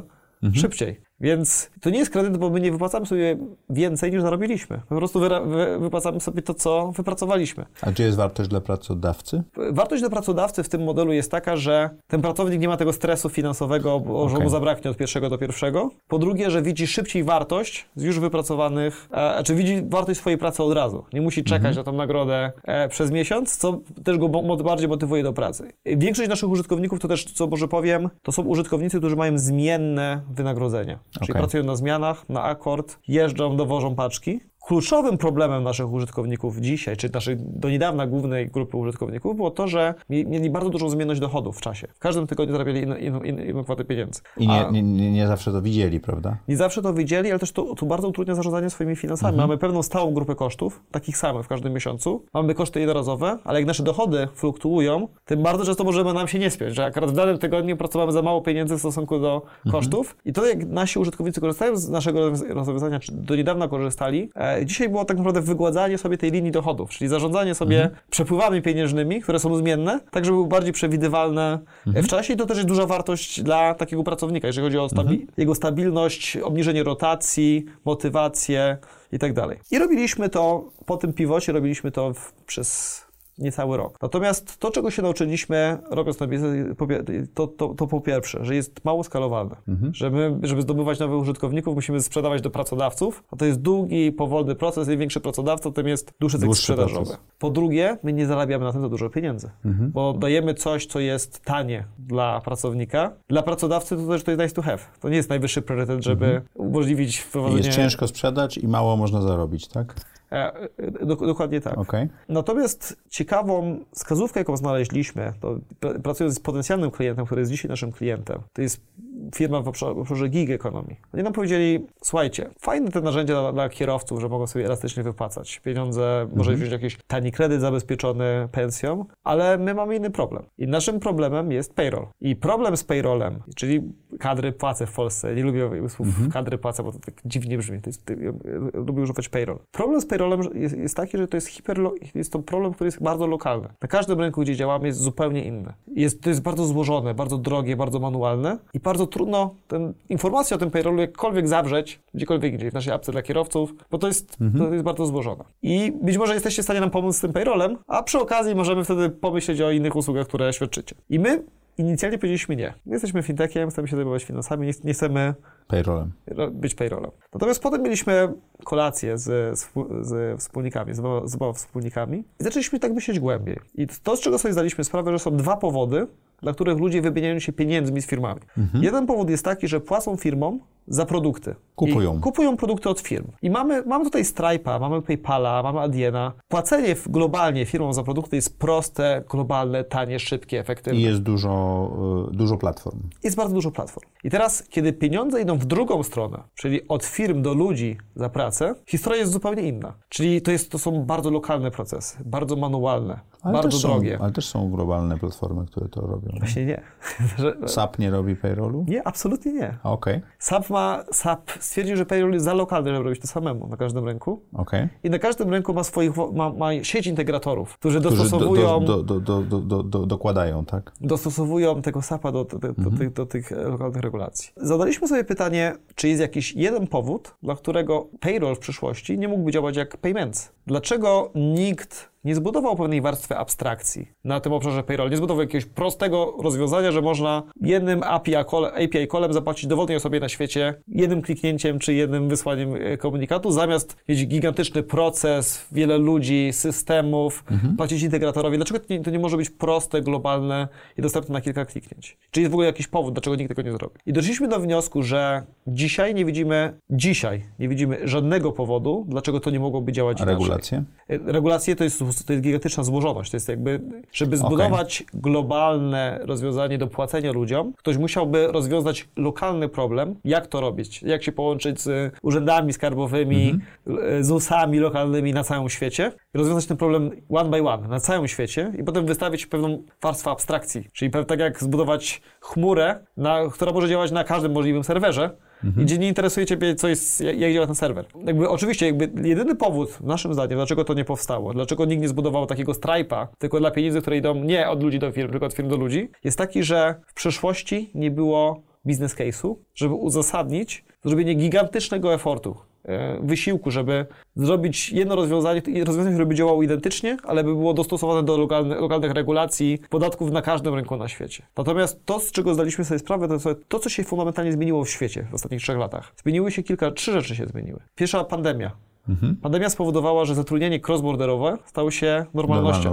w przeszłości świat był bardzo szczęśliwy ze statusu quo. Okej, okay, zatrudnianie ludzi payroll byliśmy, jest hiperlokalny. lokalnymi wioskami, prawda? Tak, i wszyscy byli z tym OK. To po co coś mhm. zmieniać, jak to jest, jakoś to działa, nie jest to najbardziej efektywne, ale działa, jest lokalne. Mhm. Dzisiaj paradygmat się zmienił. Firmy zatrudniają globalnie i to już jest całkowity standard. I potrzebują rozwiązania, które im to umożliwi, tak? Tak, więc mamy business case, pierwszy. Druga rzecz jest taka, w przeszłości, jeszcze 5 lat temu, było bardzo niewiele podmiotów, które były w stanie skonsumować, w obszarze HR, które były w stanie skonsumować API. API, czyli połączyć się programatycznie mhm. z innym rozwiązaniem, zamiast budować wszystko tradycyjnie, tradycyjnie. Natomiast ta rzeczywistość przyspieszyła w ostatnich pięciu latach. Tak, tak, tak, tak zwane stack technologiczne, firmy technologiczne dojrzewają do tego, żeby pracować na API, to, to staje, się, staje się normą. I trzecia rzecz jest taka, że firmy, kiedyś ekspansja globalna była bardzo powolnym procesem. Takie mhm. ADP spędziło 50 lat, żeby zbudować ekspozy- być na całym świecie. Natomiast to się zmienia. Firmy globalizują się w tempie, jakiego nie widzieliśmy nigdy w historii. Revolut jest, pierwszy, jest pierwszą międzynarodową instytucją finansową, prawdziwie międzynarodową i zbudował to w kilka lat. Banki nie dały, nie dały rady tego zrobić w 100 lat. E, więc widzimy, że są firmy, które bardzo szybko się globalizują, dodając zespoły ludzi na bardzo wielu rynkach jednocześnie i to staje się, to, to, to staje się standardem. I to również są firmy technologiczne, dla których takie rozwiązanie będzie naturalną rzeczą do zastosowania, tak? Dokładnie tak. Więc stwierdziliśmy, Czyli że nie, być... nie, nie stara ekonomia, która jest przyzwyczajona do swojego, swojej księgowości, swoich osób i tak dalej, prawda? Tak, więc to, z czego zdaliśmy sobie sprawę, że mamy rynek globalny, który jest wart 40 kilka miliardów dolarów, który jest bardzo, bardzo fragmentaryczny, gdzie nastąpiły, gdzie wiatr przypadkowo zaczął, wiatrzyć w dobrym kierunku z kilku stron, ale w tym samym kierunku, gdzie jest możliwa fundamentalna zmiana i gdzie nie ma jeszcze nikogo, kto tą zmianę podniósł rękawicę i powiedział, ok, robimy to. Szybko sobie zdaliśmy sprawę, ok, że ten problem, o którym nam powiedział ten klient, jest tak naprawdę Problemem globalnym. problemem globalnym, który dotyczy bardzo wielu innych podmiotów. I zaczęliśmy też gadać Ale, ale innymi... musieliście też zmienić optykę, tak? To, to posiadanie mądrych inwestorów pomaga, tak? Bo to nie Oczywiście. było, że rozwiążemy temu, problem, temu klientowi problem na pięciu rynkach, tylko spojrzeliście na to e, o przepływach pieniędzy i o świecie, tak? Tak, ale zaczęliśmy rozmawiać też z całą masą podmiotów. I szybko sobie zdaliśmy sprawę, że to, co robiliśmy w przeszłości, czyli elastyczne wypłaty pensji, to, to powinno być po prostu cechą, parametrem payrolla przyszłości. A nie featurem jakimś tam dodanym, tak jak było e, ryzyko, tak? Dokładnie tak. Więc zdaliśmy sobie sprawę, że tak naprawdę my zaczęliśmy od feature'a, a, tak, a realny problem jest zupełnie w innym miejscu i że chcemy rozwiązać ten, ten jeden problem e, globalny i zrobić to bardzo szybko. Poszliśmy w 100% w tym kierunku dzisiaj. Czyli dzisiaj czym jest Symmetrical? Symmetrical jest firmą, która zaczęła myśleć o payrollu, usiadła do, do, do myślenia o payrollu z czystą kartką i zaprojektowała, jak, jak powinien działać payroll w przyszłości od zera i zbudowała korową, czy buduje korową infrastrukturę technologiczną, która umożliwi, żeby ten payroll działał tak, jak powinien działać w Globalnie. XXI wieku globalnie. Czy już jesteście w stanie dostarczać ten produkt? To już działa? Czy ja- ja- jak to działa w tym momencie po tym drugim pivocie? Tak, produkt, no, mamy w tej chwili kilku klientów, którzy korzystają z produktu w Mhm. Wielkiej Brytanii i w Polsce. Produkt działa dla kilku tysięcy pracowników. Natomiast oczywiście Ale działa zrobiliśmy ten produkt cyfrowo? tak, jak robimy wszystko zawsze jako, Mhm. jako przedsiębiorcy. Czyli skupiliśmy się najpierw na najbardziej krytycznym problemie klienta i nie robimy wszystkiego totalnie automatycznie, bo nie ma, nie ma to sensu. To zaczęliśmy się zastanawiać, co jest największym, największą frustracją dla potencjalnych klientów związanych z obszarem payrolla. I okazuje się, że sam payroll nie jest frustrujący. Czyli samo przeliczenie brutto do netto, zapłacenie podatków, wymieni pracowników i tak dalej. Najbardziej frustrujące jest po pierwsze agregacja danych wsadowych do, do payrolla. Okej. Czyli jak automatycznie uwzględnić kto ile godzin przepracował, żeby tam nie było błędów. Jakie prowizje zdobyły i Jakie tak prowizje, jakie odliczenie. Więc stwierdziliśmy, jeżeli mieliśmy zbudować od podstaw rozwiązanie payrollowe, to by nam to zajmie Czyli to dwa lata. nawet, nawet to jest problem, który jest nawet przed lokalnymi problemami e, jurysdykcji, podatków i tak dalej. To jest problem wewnętrznej organizacji do rozwiązania. Tak, to jest Okej. problem danych wsadowych do procesu payrollowego. Drugim problemem, jaki mają klienci, to jest elastyczność i komunikacja, czy to z outsourcerem, czy wewnętrznym zespołem payrollowym, który się skupia na swoim celu, jakim jest zapewnienie compliance'owe, żeby tam wszystko się dobrze przeliczyło, Mhm. a nie na pomaganiu klientowi robić, robić biznesu a, i, by, i być elastycznym, dostosowywać się do potrzeb biznesowych. Więc stwierdziliśmy, ok, my nie, nie będziemy budowali od zera payrolla przez najbliższe dwa lata, bo nam to zajmie dwa lata, zanim będziemy mieli produkt. Więc skupmy się na największym problemie klienta i rozwiążmy ten problem bardzo szybko, e, robiąc całą resztę na zasadzie manualnej czy, czy bardzo podstawowych e, integracji, tak żeby móc ten payroll dostarczyć. Ale nie manualnej docelowo, tylko manua- manualnej w czasie budowania tych wszystkich e, Tak. elementów, tak? Tak, więc jakby to, co robimy my dzisiaj, sprzedając usługę payrollową, my nie mamy własnego systemu payrollowego. My, to, co robi nasza technologia, którą zbudowaliśmy w kilka miesięcy, to jest ta automatyczna warstwa agregacji danych wsadowych i czyszczenia tych danych, żeby wyeliminować te błędy, które, które się pojawiają już na, na wejściu. Błędy ludzkie często. Bardzo często błędy ludzkie w przeklejaniu plików albo z Prze- nie... prze- przesunięcie, znam takie przypadki, że komuś się kolumna w Excelu przesunęła oraz, tak? I to jest, to jest proces bardzo złożony, bo w, większości, w większości firm, żeby w ogóle przeliczyć wy, wypłaty dla pracowników, musimy zaciągnąć dane z bardzo wielu różnych źródeł. Czyli ile było urlopy, urlopów, jakieś tam zwol, zwolnienia chorobowe, ilość przepracowanych godzin, programy prowiz, prowizyjne. Czyli jest bardzo dużo systemów, w których trzeba te dane zagregować, nałożyć te dane na formę umowy z danym pracownikiem i wyliczyć brutto do netto. I większość pracy ludzi w, w payrollu to nie jest samo naliczanie brutto do netto, bo to robi system. To jest agregacja tych danych, czyszczenie tych danych a, i wprowadzanie tych danych do, do systemu. I, to, I to, co zrobiliśmy w pierwszym kroku, zautomatyzowaliśmy ten proces. Czyli Ale dostosowując go do klientów, czy też zmuszając klientów, żeby dostosowali się do pewnej automatyzacji? zmuszając klientów, Okej. żeby dostosowali się do, do, auto, do No, automatyzacji. taksówki zamawiamy w tej chwili inaczej niż kiedyś zamawialiśmy. Trzeba było się nauczyć tego systemu, tak? E, Dokładnie tak. Ale oczywiście my w, na każdym rynku, gdzie działamy dzisiaj, my jesteśmy outsourcerem payrolla, tradycyjną firmą, która ma własnych kadrowych mhm. świadczą usługę payrollową. To, co jest dzisiaj inne, jest to, że mamy zaawansowaną technologię na agregacji, zaciąganiu danych, czyszczeniu tych danych. Potem to wchodzi do tradycyjnego procesu, procesu payrollowego i potem też na wyjściu tych danych wystawiliśmy bardzo elastyczne możliwości korzystania z tych danych przez naszych klientów. Czyli można, jak jestem platformą, która ma swoich kierowców w Anglii, którzy dostarczają różnego rodzaju produkty w całym Londynie, to ja mogę do swojej aplikacji mobilnej dla kierowcy wpiąć, wpiąć informację, ile dana kierowca, kierowca zarobił w czasie rzeczywistym. Mogę wpiąć możliwość zawarcia z nim... Kierowca może wiedzieć, jak robi i ta, ta, ten, ten, jak powiedziałeś, ten feature płatności też może być włączony, tak? Tak. Albo jak potrzebuję danych na temat mojego kosztu ludzi w czasie rzeczywistym w moich systemach zarządczych, to, to go mam to go podpinam i mam. Czyli ja dzisiaj jako właściciel takiego biznesu, powiedzmy kurierskiego, gdzie mam magazyny w całym Londynie, mogę sobie kilkoma kliknięciami widzieć per magazyn, per kierowca, ile zarabiam co, co do sekundy i jakie mam koszty. E, czyli dajemy właśnie te możliwości komunikacyjne, których nie, nie dawały, czy nie, nie dają firmy payrollowe, czy mhm. rozwiązania z, z obszaru payroll, payrollowego wcześniej. No i oczywiście w, robimy to dzisiaj manualnie, ale też po to, żeby się nauczyć procesu, żeby wiedzieć, co warto automatyzować, a czego nie warto automatyzować. Mhm. Po to, żeby żeby gdzieś w przyszłości zbudować optymalne rozwiązanie, które już wertykalnie zintegruje cały proces payrollowy pod naszym dachem, e, od zbierania danych przez procesowanie po elastyczne korzystanie z outputu. Czyli to jest na, na dzisiaj częściowo manualnie, częściowo technologia automatycznie, natomiast to klienci wystarczy... wiedzą, że to jest taki miks? Oczywiście, że tak. Okay. I, I nawet powiem szczerze, że klienci są zadowoleni z tego. Bo? Bo dzisiaj klient, usługa kadr i płac jest, jest, jest taka mission critical service. I baliby się, żeby była w pełni zautomatyzowana na, I, na niesprawdzonym rozwiązaniu, tak. prawda? Tak. Jeżeli, oczywiście, jak bylibyśmy globalnym standardem jak PayPal, nie byłoby to problemu. No ale to jeszcze chwila. Ale jesteśmy startupem. Więc mówimy, ok, jesteśmy startupem, ale mamy światowej klasy ekspertów. To są ci ludzie, którzy to robią i to robili przez ostatnie 20 lat. I oni dbają o to, żeby to było dobrze przeliczone, żeby nie było problemów, ale dajemy tobie tą wartość na, na technologiczną, której ty potrzebujesz. Czyli to jest takie przemyślane fake it till you make it, tak? Czyli tak. to takie, nie, nie jest skok, skok na woltyżerce e, bez siatki pod spodem, tak? Ta, oczywiście, to, to, to jest prawdą, mhm. natomiast my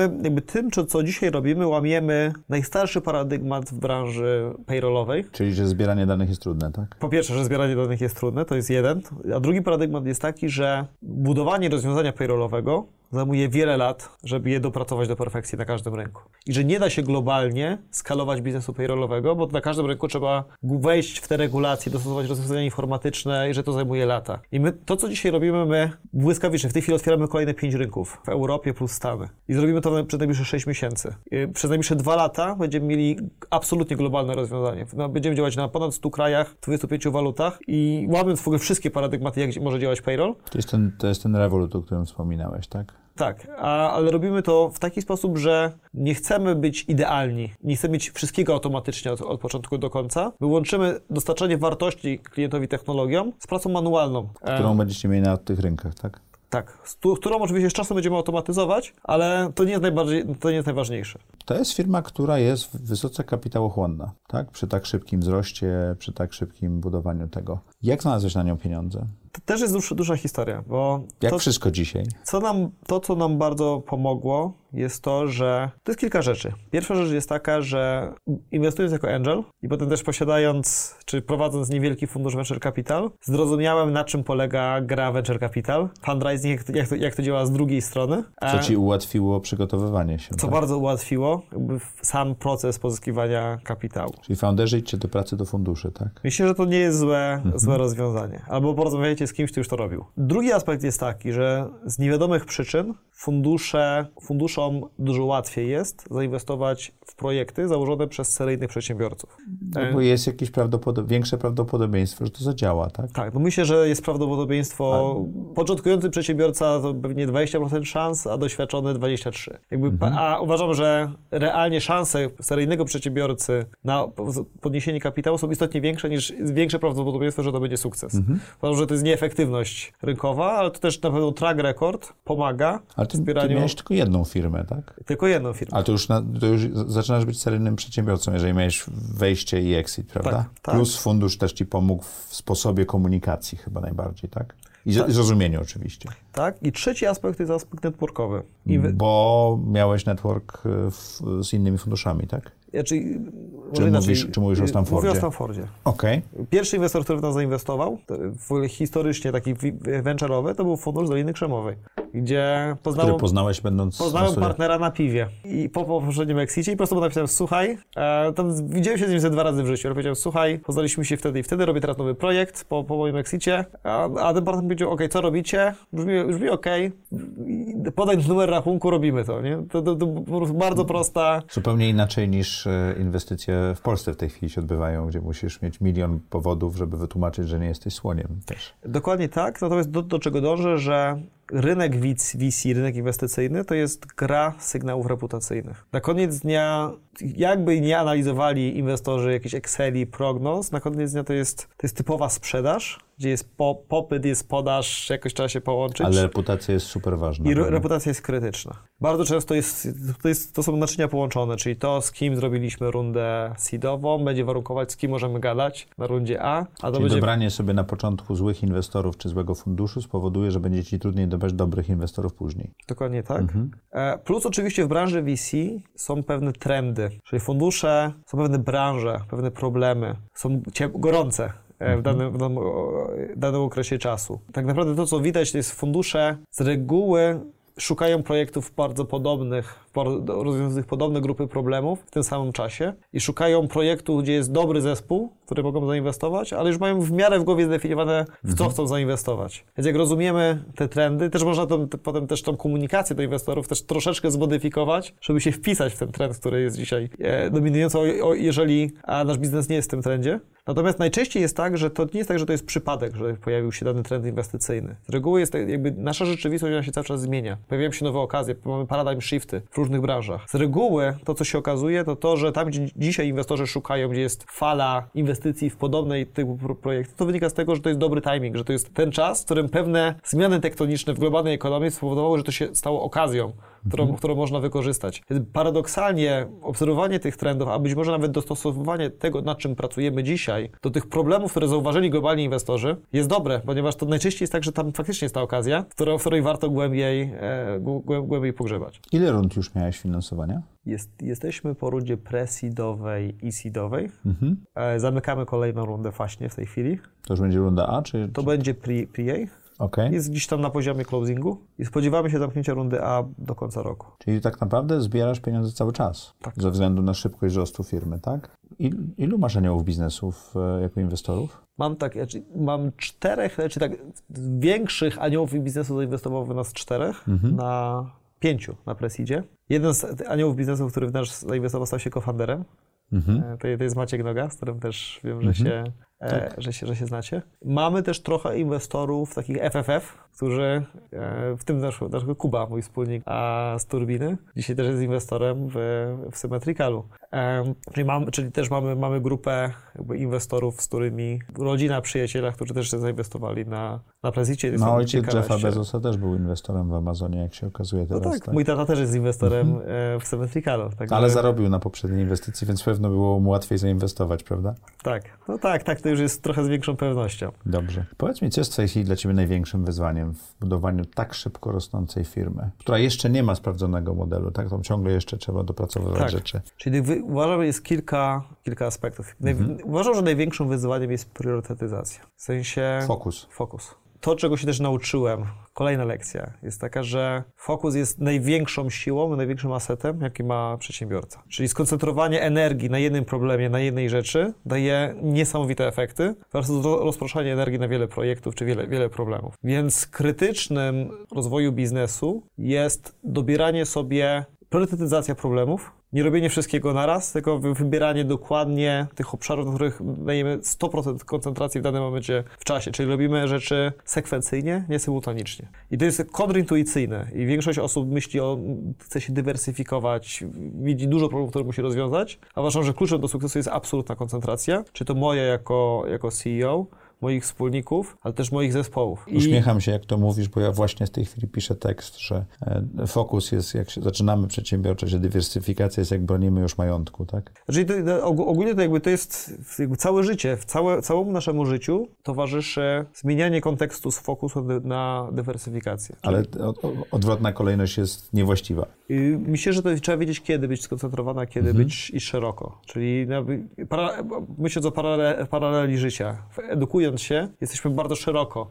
Bo szukamy. Bo szukamy. Potem coś znajdujemy, na tym się fokusujemy. Osiągamy tutaj jakiś sukces, więc znów się idziemy szeroko, żeby zdywersyfikować nasz, nasz majątek. Mhm. Potem orientujemy się, że żeby istotnie zrobić kolejny etap, znów musimy się na czymś skoncentrować. To jest takie chodzenie od fokusu do dywersyfikacji. To samo dotyczy biznesu. Większość dużych biznesów rozwinęło się na jednym produkcie, e, na którym się super szybko rozwinęło. Potem się dywersyfikują. Mhm. Potem muszą podejmować decyzje, kiedy się koncentrować, kiedy dywersyfikować w czasie. Także uważam, że jakby I to, i to jest dzisiaj największe wyzwanie, czyli gdzie kłaść naciski, na czym się koncentrować, jak spędzać czas, jak nasze zespoły powinny spędzać czas, jakie segmenty rynków, jakie feature'y powinniśmy, e, powinniśmy robić. A to oczywiście jest powiązane z, no oczywiście z wielkimi oczekiwaniami e, mhm. inwestorów, którzy nakładą bardzo duże pieniądze na to, żebyśmy się, się rozwijali, gdzie my pewne rzeczy po prostu celowo nie robimy szybciej, niż, niż byśmy mogli, ponieważ chcemy, to się, nie, nie robimy pięciu rzeczy naraz, robimy jedną rzecz, a, a bardzo dobrze. Powiedziałeś, że Maciej Noga stał się z inwestora co-founderem.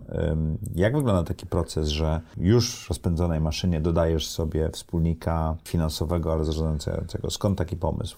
Ogólnie rzecz biorąc, Maciek był pierwszym biznes angelem, który w nas uwierzył i pierwszy wrzucił środki, natomiast też bardzo dużo z nim pracowaliśmy, e, mhm. z moim wspólnikiem, z Danielem. Tak naprawdę, kiedy zaczęliśmy ze sobą, ze sobą, ze sobą pracować, pracować z Maćkiem, też wiedzieliśmy, że on myśli o jakichś innych projektach, czy bardzo zbliżonych, e, czyli my zaczynaliśmy jako ten Credit Cloud. Maciek był, myślał bardziej o zbudowaniu produktu dla pracodawców, ponieważ on, on jest HR-owcem, ale mhm. gdzieś tam w, głow, w głowie miał... No Maciej jest z grupy Pracuj, także tak. on patrzy na to w ten sposób. Tak? tak, więc jakby też bardzo dużo zaczął myśleć o tym, jak zbudować produkt dla, dla tego pracodawcy, jak, jak kreować relacje między pracodawcą i pracownikiem. I my myśląc o tym, kiedy okazało się, że nasza pierwsza strategia się nie powiodła, jeżeli chodzi o, o, o go-to-market, zaczęliśmy też myśleć o tym samym. I naturalnie zaczęliśmy dużo więcej czasu spędzać z Maćkiem, żeby wyciągnąć też, nauczyć się od niego, mhm. okay, jak działają pracodawcy. My nie, nie mieliśmy pojęcia o HR-ze. A on to dobrze rozumie. A Maciek zna to na wylot. Mhm. Zna ten problemy pracodawców w obszar HR na wylot. I Maciek zaczął nam bardzo dużo czasu spędzać z nami, myśląc o tym, dyskutując, jak to zrobić dobrze. I w tym momencie okazało, okazało się, że Maciek stwierdził, że wierzy jeszcze bardziej w tę naszą nową strategię. I to jest ta kolacja, o której mówiłeś, tak? E, którą, to jeszcze było przed, okay. którą, którą obraliśmy. E, z drugiej strony też jakby myślał o tym, żeby operacyjnie zaangażować się w coś, co buduje rozwiązanie dla tych pracodawców, więc zaczęliśmy o tym rozmawiać, ok, a może byśmy trochę połączyli siły, zaczęli, zaczęli tak jak zaczęliśmy pracować, powiedzmy na, na luźno, na luźno, dyskutując ideę, myśląc o tym, jak mhm. ten produkt może działać. Może warto, żebyśmy sobie przetestowali, jak taka współpraca mogłaby wyglądać w pewnym zakresie. I zaczęliśmy bardziej się angażować operacyjnie we współpracę. I wtedy w, tym, pewnym momencie Maciek powiedział, ok, może warto by było, żebyśmy połączyli siłę. Wy jesteście młodzi, ale totalnie się na tym nie znacie. Ja mam lata doświadczenia, jestem, jestem w tym ekspertem, wy potrzebujecie tej wiedzy. Mam teraz czas, e, mam, mogę też się na tym skoncentrować, może, może zrobimy to razem. I, i stwierdziliśmy z Danielem, że Maciek jest super uzupełnieniem naszego mhm. tandemu. Pod kątem, to jest taki bardzo, tak jak się patrzy na historię wielu startupów, z reguły jest tak, że jest jedna osoba, która jest trochę bardziej crazolem, wizjonerem, produktowcem, druga osoba, która jest bardziej chodzi przy ziemi, to jest Daniel w naszym mhm. e, przypadku, która, która po prostu sprawia, że rzeczy się dzieją. Nie są wizją, ale, ale się dzieją, ale bardzo często do takiego tandemu dołącza osoba, która już ma lata doświadczenia, e, widziała już bardzo wiele rzeczy i też potrafi uniknąć błędów, o których... Które, które... Można zobaczyć rafę, zanim się na nie wpłynie, tak? Dokładnie, dokładnie tak. Więc stwierdziliśmy, że jesteśmy dobrym tandemem, przetestowaliśmy, jak się razem pracuje, stwierdziliśmy, że uzupełniamy się jako zespół stwierdziliśmy, okay, to, to działajmy razem. Okej. Okay. To jaka jest przyszłość? Jaka jest przyszłość? Mhm. Naszego biznesu, czy ogólnie? Waszego... Spróbujmy od waszego biznesu, bo nam może nie starczyć baterii. Mogę powiedzieć, w ja wierzę. Wierzę, że jesteśmy w stanie zbudować absolutnie globalny biznes i zrobić to w rekordowym czasie. Myślę, że działamy w obszarze, który nie był dotknięty rewolucją czy dysrapcją, ale jest, jest gigantycznym rynkiem i może, może być dotknięty dzięki nam ty, tymi zmianami. Myślę, że mamy wszystkie niezbędne zasoby finansowe, merytoryczne, żeby to zrobić. Potrzebujemy szczęścia. A czy liczysz się z tym, że to może nie wyjść? Oczywiście, oczywiście. Znaczy, uważam, że ogólnie w ekonomii nie ma darmowych lunch. Nie ma darmowych lunch. Ka każda szansa, żeby zbudować coś naprawdę wielkiego, jest okupiona gigantycznym ryzykiem. To ryzyko może być w różnych obszarach. To może być działanie w szarej strefie, e, jak zrobił to Uber. E, to, to może być gigantyczny lewar finansowy, który też jest, też jest wielkim ryzykiem. To może być myślenie zupełnie inaczej niż cała branża, to, który, że ludziom się wydaje, że jest szalone, a potem się okazuje, że, że nie jest. Czyli to te dźwignie operacyjne, dźwignie regulacyjne, regulacyjne. I uważam, że jeżeli naszą ambicją jest zbudowanie absolutnie globalnego biznesu, w absolutnie rekordowym czasie. Musimy wszyscy akceptować, podejmujemy wielkie ryzyko, żeby to zrobić. I to też jest pewien framework podejmowania decyzji. My podejmujemy decyzje nie idąc na kompromisy w krótkim terminie, biorąc pod uwagę to, że może coś nie wyjść. Piotrze, jest taki czas w audycji Zaprojektuj swoje życie, że zadajemy e, naszym gościom podobne pytania, żeby trochę lepiej ich zrozumieć. I ten czas właśnie nadszedł. E, także teraz seria takich e, hashtag trudne pytania, my to tak pokazujemy. Czy pamiętasz najlepszą decyzję, jaką podjąłeś w swoim życiu i czy możesz ją opisać? Najlepszą decyzję. Tych de wiele, wiele decyzji, które podjąłem, były efektem przypadku, ale myślę, że to, to powiem mo- mo- może sztapowo. Uważam, że najlepszą decyzję podjąłem, jeżeli chodzi o, o moją miłość i, i żonę. Czy taka osobista decyzja, tak? Osobistą, osobistą decyzję i myślę, że jakby Kasi bardzo wiele zawdzię- zawdzięczam, ja zawsze to, e, to komunikuję prawidłowo i myślę, że też nie byłoby mnie tutaj, gdzie jestem dzisiaj, gdyby nie jej wsparcie. Super. Co daje Ci najwięcej energii czy satysfakcji w życiu? To są w sumie dwie rzeczy. Jedna od zawsze to była wolność. W sensie takim, że poszedłem drogą przedsiębiorcy, ponieważ stwierdziłem, że to jest jedyna droga w życiu, która też daje poczucie, czy w ogóle kontrolę nad swoim przeznaczeniem. To daje, bycie przedsiębiorcą poddaje przedsiębiorcy możliwość podejmowania decyzji na temat tego, jak pracuje, co robi i z kim. E, Większość czasu, który w życiu spędzamy, spędzamy w pracy, nie śpiąc, jeżeli nie, liczy, nie liczymy snu. Więc możliwość do, swobodnego decydowania o tym, jak spędzam czas, z kim i co robię, uważam, że jest, jest gigantyczną wartością, która jest ważniejsza od, od praktycznie wszystkiego. Drugą, drugą rzeczą, która mnie bardzo napędza i to jest od niedawna, to jest też jakby, to jest e, moja córeczka, która się urodziła półtora roku temu, która też pokazała mi, że inne, są in, w życiu też jeszcze inne ważne, e, ważne rzeczy i też jakby bardzo dużo energii i, i satysfakcji daje mi opiekowanie się nad nią, pokazywanie jej świata i to też widzę, że to jest taki drugi teraz engine wzrostu, e, motywacji do, do dalszego działania. Super. Jak wygląda Twój typowy dzień? Mój typowy dzień. Nie mam typowych, typowych dni. O której wstajesz typowo? Czy nie ma typowości też? Okej, Z reguły wstaję w, oko- w okolicach 7 rano, ale najczęściej nie mam, nie mam budzika.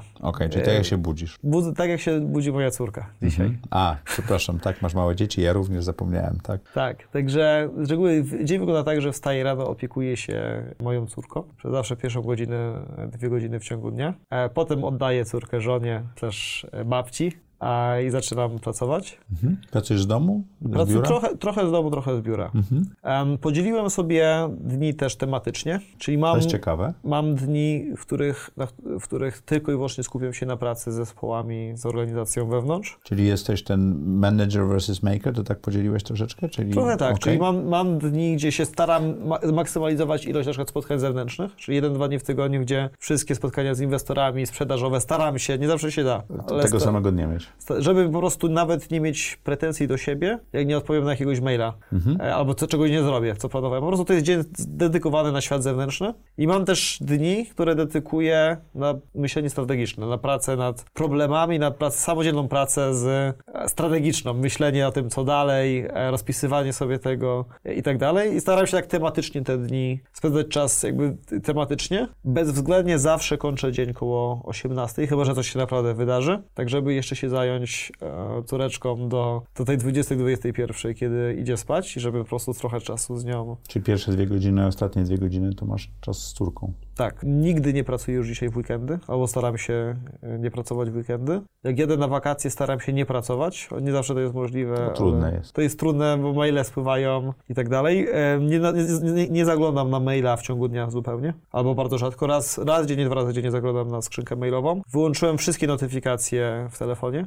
żeby nie mieć pokusy, sprawdzić, co się dzieje na, na Slacku i tak dalej. Mam wyciszony telefon i nigdy, praktycznie nigdy, nigdy nie odbieram telefonów, które Odzwaniasz, tak? które dzwonią, odzwaniam i to tak seriami. Po prostu to, co się uzbiera w ciągu dnia, ale też uczę ludzi, żeby jak jest problem, to żeby w bardziej asynchroniczny sposób e, ten problem I rozwiązywać. komunikatory do tego są bardzo dobre, tak? A, a nie, a nie, albo maile, e, Mhm. a, nie, a, nie, a nie synchronicznie. Także jak też jakby dużo czasu spędziłem na budowaniu rutyn, budowaniu najlepszych praktyk dla mnie, jeżeli Mhm. chodzi o zarządzanie czasem, tak żebym mógł efektywnie robić to, to, co robię. Czy jest coś, co mogłeś przestać teraz robić, co poprawiłoby twoje samopoczucie albo spowodowało twój rozwój? Powiem szczerze, że chyba nie. To te rutyny pomagają, że, że nie masz takich rzeczy, które musisz się pozbyć? W sensie takim ja staram się w bardzo iteracyjny sposób mhm. pracować nad swoją efektywnością osobistą. Czyli robisz próby i błędy, co działa, co nie działa, tak? Bardzo często eliminuję rzeczy. Eliminuję zbędne spotkania z kalendarzy, eliminuję błędy, rutyny, które nie wnoszą wartości e, z mojej perspektywy. Jak często robisz takie retrospekcje swojego kalendarza i czasu? Czy mam takie cykle tygodniowe dzi y, dzisiaj, gdzie staram się wprowadzać jakieś zmiany. Czyli patrzysz na tydzień i patrzysz, co tam ma sens, tak? Do tak, przodu. do przodu i też, mhm. ale też analizuję, co się zadziało w danym tygodniu, jak spędzałem czas, mhm. czy to było efektywne, czy sprawiało mi satysfakcję i tak dalej. Wydaje mi się, jest, jest jedna rzecz może, o którą powinienem teraz zmienić, o której już sporo myślę, to jest kwestia zarządzania energią. Mhm. Czy versus czasem. Versus, versus czasem. W sensie takim, że bywa tak, że to, co sobie zaplanowałem czasowo, nie jest kompatybilne z energią w danym dniu, czy w danej godzinie, którą mam, czyli są takie momenty, gdzie, nie wiem, jak mam napływ, pozytywny napływ energii, e, to pewnie bardzo dobrze mieć akurat spotkania jakieś sprzedażowe, a jak już po prostu nie mam siły i jestem zmęczony, to pewnie wolałbym sobie usiąść z zeszytem i sobie coś tam rozpisać. I trochę jeszcze nie wiem, w jaki sposób synchronizować zarządzanie swoją energią z zadaniami, żeby to po prostu miało większy sens. Mhm. No to pewnie kolejne iteracje w kolejnych latach pomogą do tego ja, dojść. Ja chętnie się dowiem, jak już co, coś wymyślisz, bo to rzeczywiście jest, jest trudne. Jaką masz supermoc, Piotrze?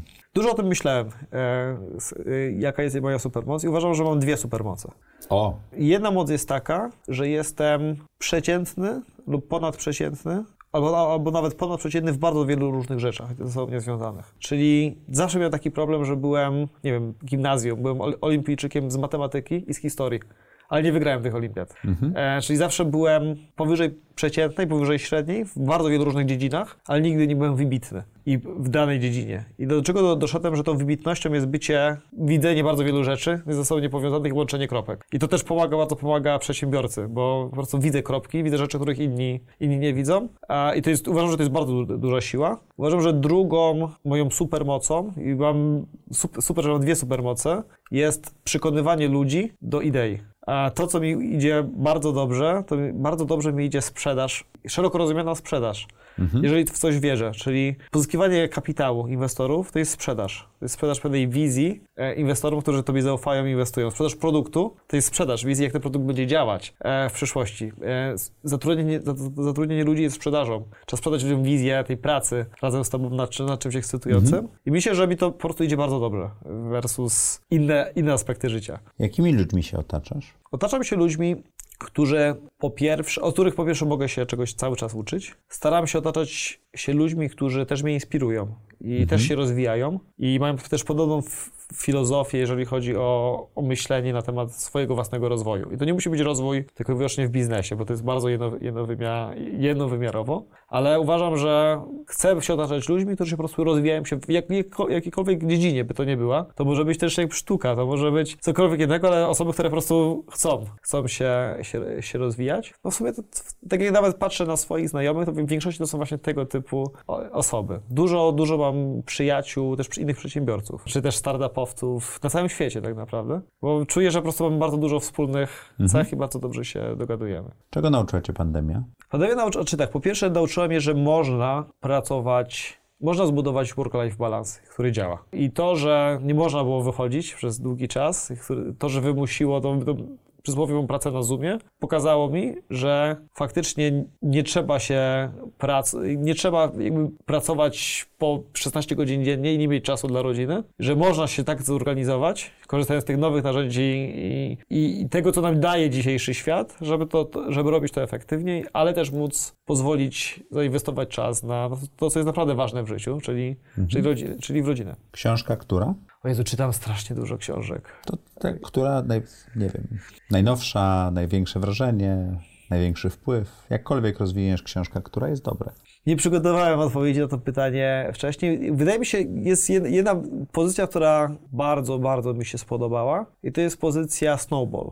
E, historia Warrena Buffetta. Oj. I z tą filozofią, że życie jest jak kula śniegu, która jak już, już raz się ją pędzi w ruch, wpędzi w to ruch, robi się coraz większą. Jak się znajdzie odpowiednio dobrze nachylony stok i odpowiednio lepki śnieg, to to już jest nieuniknione, że ona będzie coraz większa. E, I to, co podoba mi się w tej książce, ogólnie bardzo zawsze fascynował mnie Warren Buffett, takie myślenie długoterminowe naprawdę myślenie długoterminowe, bardzo, bardzo strategiczne, ale też y, Warren Buffett się kieruje pewnymi fundamentami, pryncypiami. I się ich trzyma. I się ich trzyma. I pokazuje, i to co udowadnia, to jest, że trzymanie się pewnych pryncypiów, dostosowanie ich oczywiście do zmieniających się rzeczywistości, ale myślenie długoterminowe plus pryncypia, takie bardzo podstawowe pryncypia, dają w czasie z procentem składanym mhm. niesamowite efekty. No to jeszcze dołożyć Raya Dalio z jego książką właśnie o pryncypiach, to już zasadach, to już jest też ciekawe. Ray Dalio uważam, że jest osobą już aż za bardzo... On zautomatyzował wszystko w swoim tak, życiu. to jest tak. robot. I, I, wydaje mi się, że to być może nie jest to najlepszy, e, najle, najlepszy przykład. Oczywiście świetna książka,